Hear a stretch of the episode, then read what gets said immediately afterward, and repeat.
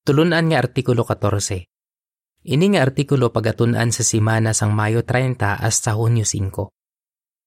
Mga gulang, padayon nga iluga si Apostol Pablo. Teksto nga ginbasihan sini nga artikulo. Iluga ninyo ako. Unang Korinto 11.1.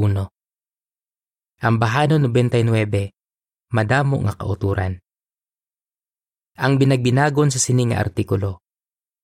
Nagapasalamat gid kita sa pagpangabudlay sang mahigugmaon nga mga gulang para buligan kita. Sa sining artikulo, binagbinago nato ng apat ka responsibilidad o konsitwasyon nga mahimo na budlayan ang mga gulang kon kaisa. Binagbinagon man naton ang halimbawa ni Apostol Pablo nga makabulig sa mga gulang nga masarangan ini nga mga kabudlayan. Paligunon kita sining artikulo nga hangpon ang sitwasyon sang aton mga gulang, palanggaon sila, kag buligan sila.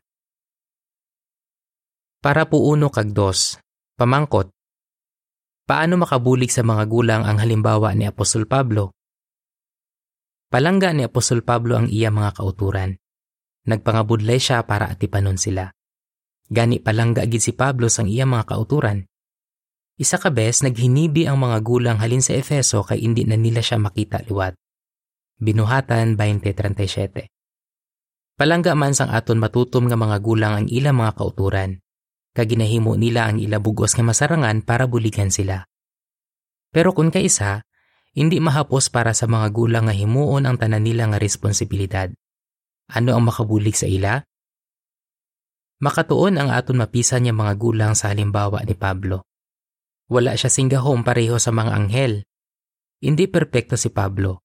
Kag may mga tion nga nabudlayan siya nga himuon ang gusto.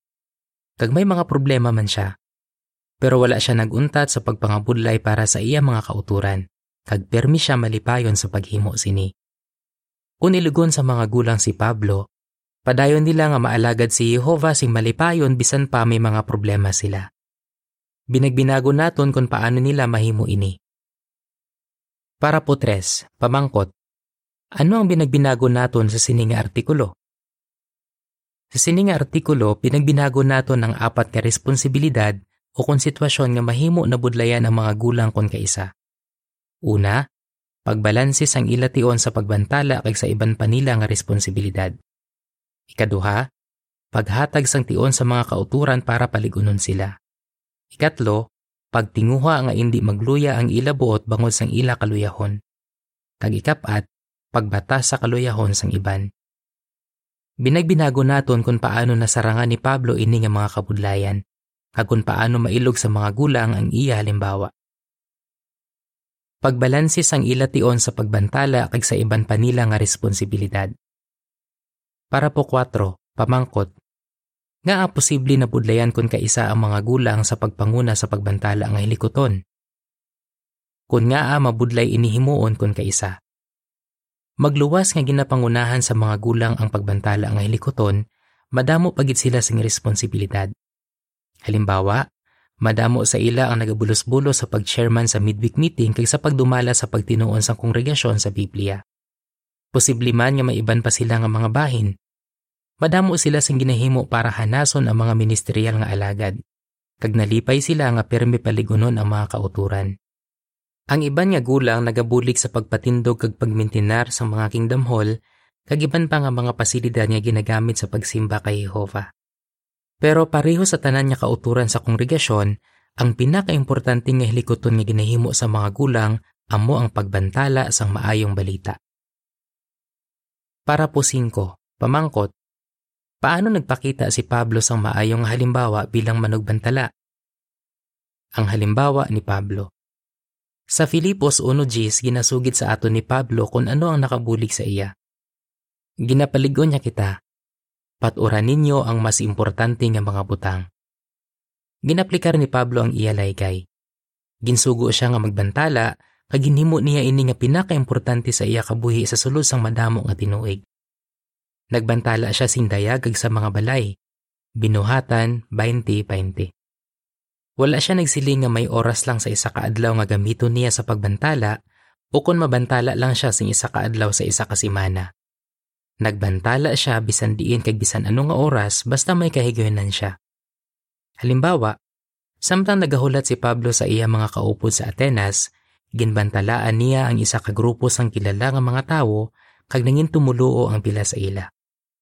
Bisan pa nabilanggo si Pablo, ginbantalaan niya ang mga nagabisita sa iya kag ang mga soldado nga nagabantay sa iya. Filipos 1.13 kag 14 Para po size, pamangkot. Ano ang gintudlo ni Pablo sa iya mga ginhanas?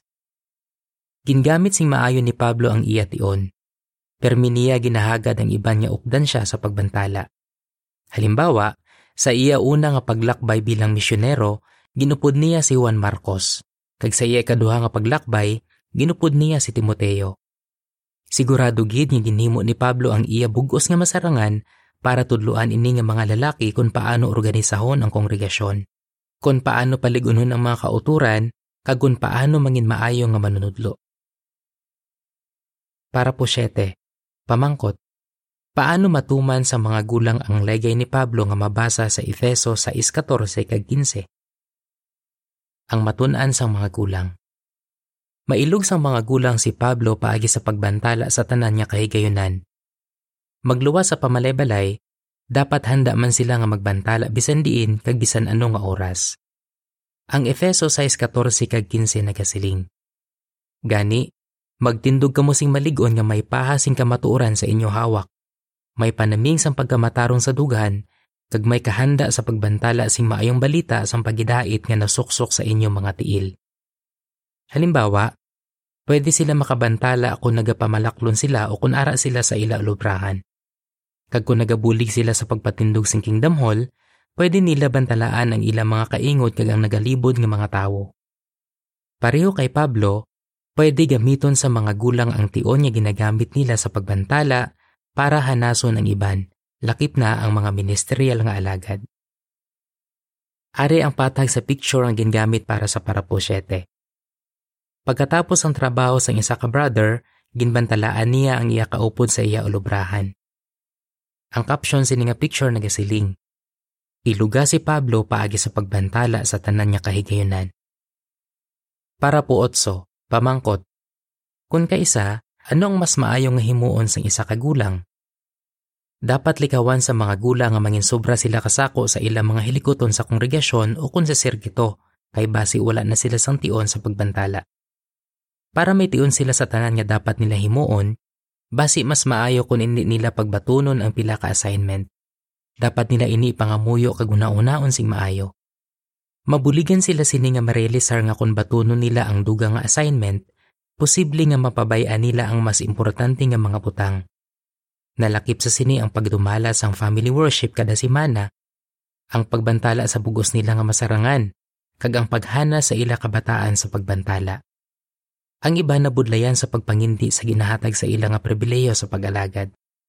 Pero makasalig sila nga kung pangindian nila ini, Nahangpan ni Jehova nga gusto nila mangin balanse sa tanan nila nga responsibilidad. Paghatag sang tion sa mga kauturan para paligunon sila. Para po 9, pamangkot. Ano ang posible nga nabudlayan nga himuon sa mga gulang kon kaisa? Kun nga a mabudlay inihimuon kon kaisa. Madamo sing problema ang katawhan ni Jehova. Sa sining katapusan niya mga adlaw, kinahanglan naton tanan ang pagpalig-on, buli kag paumpaw. Kagkon ka isa, kinahanglan buligan ng iban para hindi sila makahimo sang sala. Hindi masarangan sa mga gulang nga sulbaron ang tanan niya problema sang katawhan ni Jehova.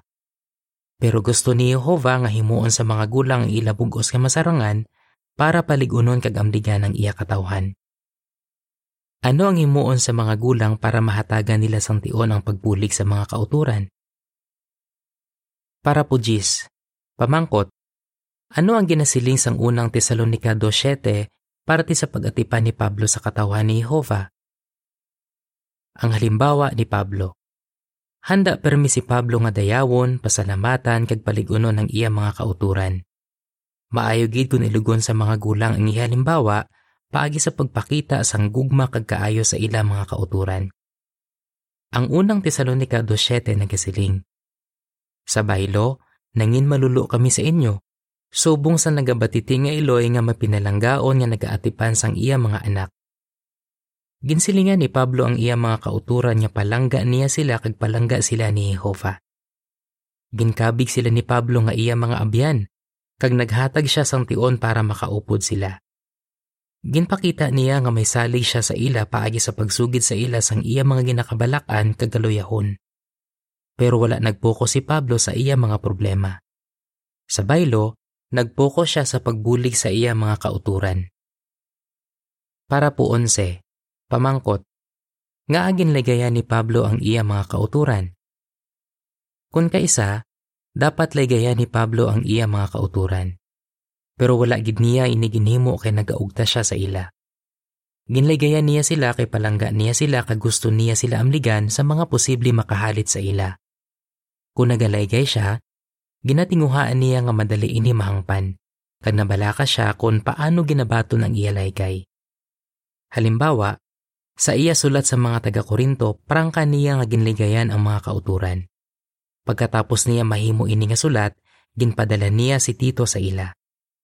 Gusto mabalaan ni Pablo kung ano ang ila reaksyon sa iya sulat. Nalipay gid siya sang nabalaan niya nga ginbaton nila kag ginaplikar ang iya laygay. Para po 12. Pamangkot. Paano mapaligon sa mga gulang ilang mga kauturan? Ang matun-an sang mga gulang. Mailog sa mga gulang ang halimbawa ni Pablo paagi sa paghatag sang tion para makaupod ang ilang mga kauturan. Ang isa ka paagi para mahimo nila ini amo ang pag-abot sin temprano sa mga meeting sang kongregasyon para maistorya nila kag mapaligon ang iban. Sa masami, mapaligon na naton ang isa ka utod kag mapabatsyag naton sa iya nga palangga naton siya bisan pila lang ka minuto naton siya nga maistorya. Para mailog sang isa ka gulang si Pablo, dapat man niya gamiton ang Biblia para paligunon ang iya mga kauturan kag para pasaligon sila nga palangga sila sang Dios. Ginasilingan man sang gulang ang iya mga kauturan nga palangga niya sila. Permi niya sila ginakamusta kag nagapangita siya sang kahigayonan nga madayaw sila kag mapasalamatan. Kung kinahanglan maglaygay sang isa ka gulang, dapat niya iniibase sa pulong sang Dios. Dapat mangin maathag sa utod kung nga agin laygayan siya pero dapat inihimuon sang gulang sa maayo nga paagi kay gusto niya nga batunon sang utod ang iya laygay. Ari ang patag sa picture ang gingamit para sa parapudjis kag 12. Mapinalanggaon nga ginapaligon sa isa ka gulang isa ka brother nga daw gusto lang permi magisahanon. Ang caption sini nga picture nagasiling. Dayawa, pasalamati kag paliguna ang iban pagtinguha nga hindi magluya ang ilabuot bangod sang ila kaluyahon. Para po 13, pamangkot. Ano ang posible nga mapatyagan sa isa kagulang sa iya kaluyahon? Kung nga a mabudlay inihimuon kun kaisa. Hindi perpekto ang mga gulang. Pareho sa tanan, makahimo man sila sang sala. Kung kaisa, posible nga nabudlayan sila kung paano tamdon sing husto ang ila kaluyahon. May iban nga nabalaka sing sobra sa ila kaluyahon. Gani nagaluya ang ila buot. May iban naman nga ginapakajutay nila ang ila kaluyahon. Gani nagabatsyag sila nga wala sila sing dapat paguhon sa ila kabuhi. Para po 14. Pamangkot. Suno sa Filipos 4.13, paano nakabulig ang pagkamapainubuson para masarangan ni Pablo ang iya kaluyahon? Ang halimbawa ni Pablo, mapainubuson si Pablo. Ganit na ang paniya nga hindi niya masarangan ang iya kaluyahon. Hinanglan niya ang kusog halin sa Diyos. Sang una, grabe gid ang pagingabot ni Pablo sa mga Kristiyano. Sang ulihi, nahangpan niya nga sala ang iya ginhimo. Gani ginbag-o niya ang iya panimuot kag personalidad. Sa bulig ni Jehova, nangin mahigugmaon, maluluyon kag mapainubuson nga gulang si Pablo. Kabalo siya nga madamo siya sang nahimo nga sala. Pero gintinguhaan niya nga hindi inipirmi pagpaminsaron. Sa baylo, nagsalig siya nga patawaron siya ni Jehova. Wala niya ginhunahuna nga hindi na siya makahimo sang sala. Sa baylo, ginpanikasugan niya nga mapauswag ang iya personalidad bilang Kristiyano, kag mapainubuson siya nga nagsalig sa bulig ni Jehova para matuman niya ang hilikoton nga ginhatag sa iya. Ang Filipos 4.13 nagasiling, sa tanan niya butang may kusog ako paagi sa isa nga nagapabakod sa akon. Para po 15, pamangkot. Ano ang dapat himuon sa mga gulang para mangin husto ang ila pagtamod sa ila kaluyahon? Ang matun-an sang mga gulang. Hindi perpekto ang gintangdo nga mga gulang.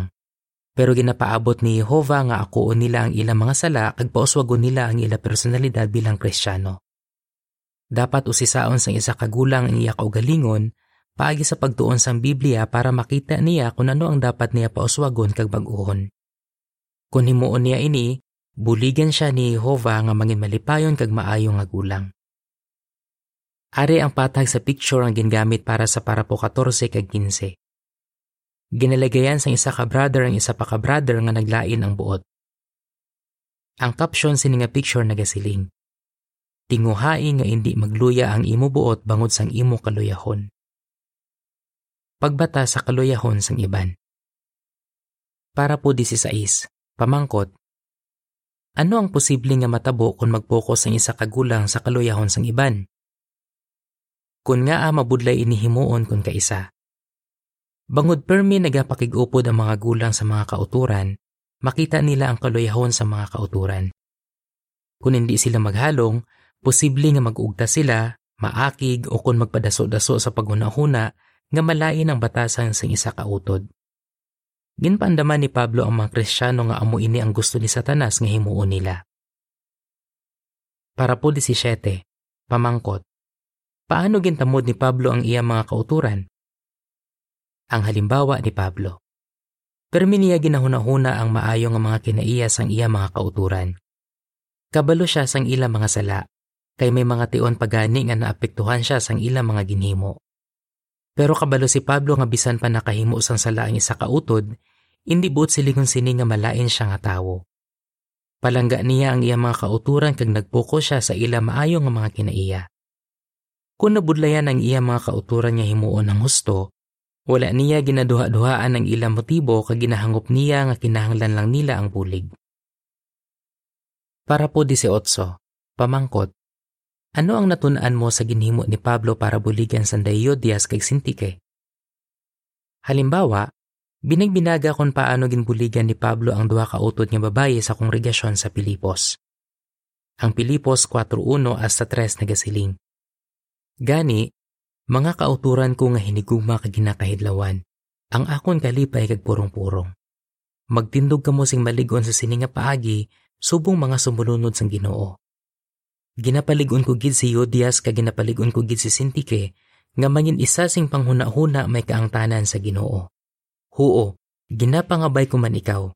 Subong matuod nga masing ka manog pangabudlay, nga padayon nga buligan ining mga babae nga nagpangabudlay upod sa akon para sa maayong balita upod kay Clemente kay sa iban pa nga mga masigkamanog pangabunlay ko, nga ang mga ngalan yara sa libro sang kabuhi.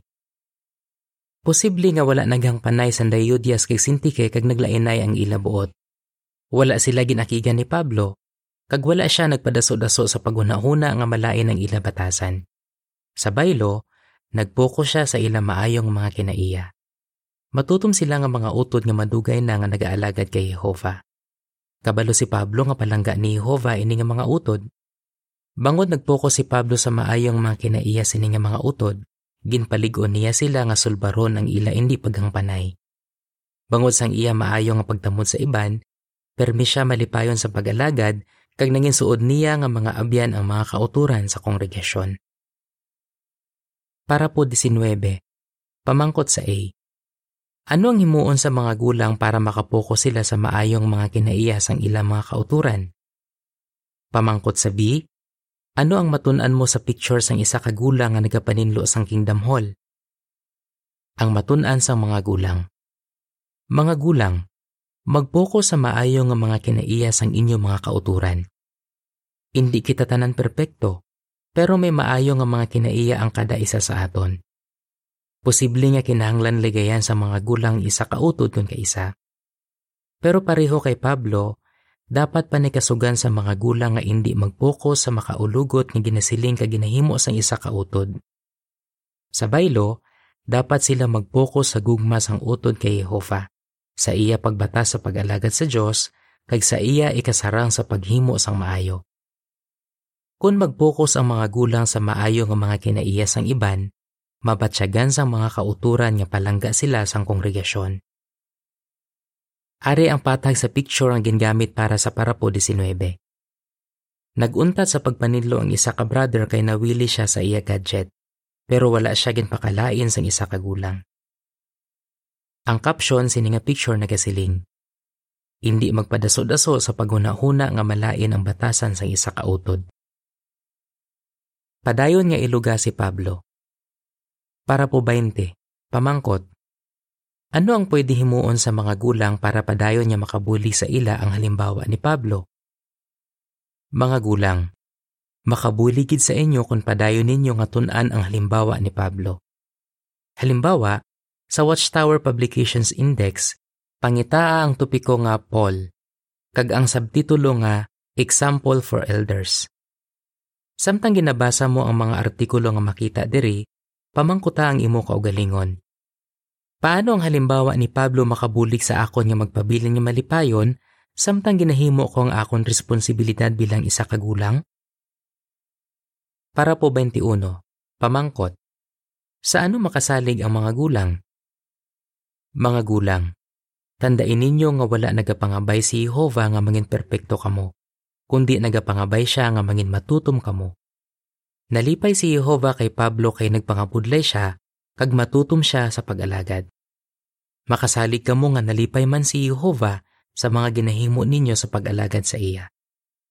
Hindi gid pagkalimtan ni Jehova ang inyo binuhatan kag ang gugma nga ginpakita ninyo para sa iya ngalan, paagi sa pag-alagad kag sa padayon nga pag-alagad sa mga balaan. Hebreo sa isjis. Ano ang makabulig sa mga gulang para mabalansin nila ang ilation sa pagbantala kag sa iban pa nila nga responsibilidad? para mahatagan nila sang tion ang mga kauturan kag mapaligon sila. Para mabatas nila ang kaluyahon sang iban. Ambahanon 87. Kari, agud mapaumpawan ka. Dire natapos ang artikulo.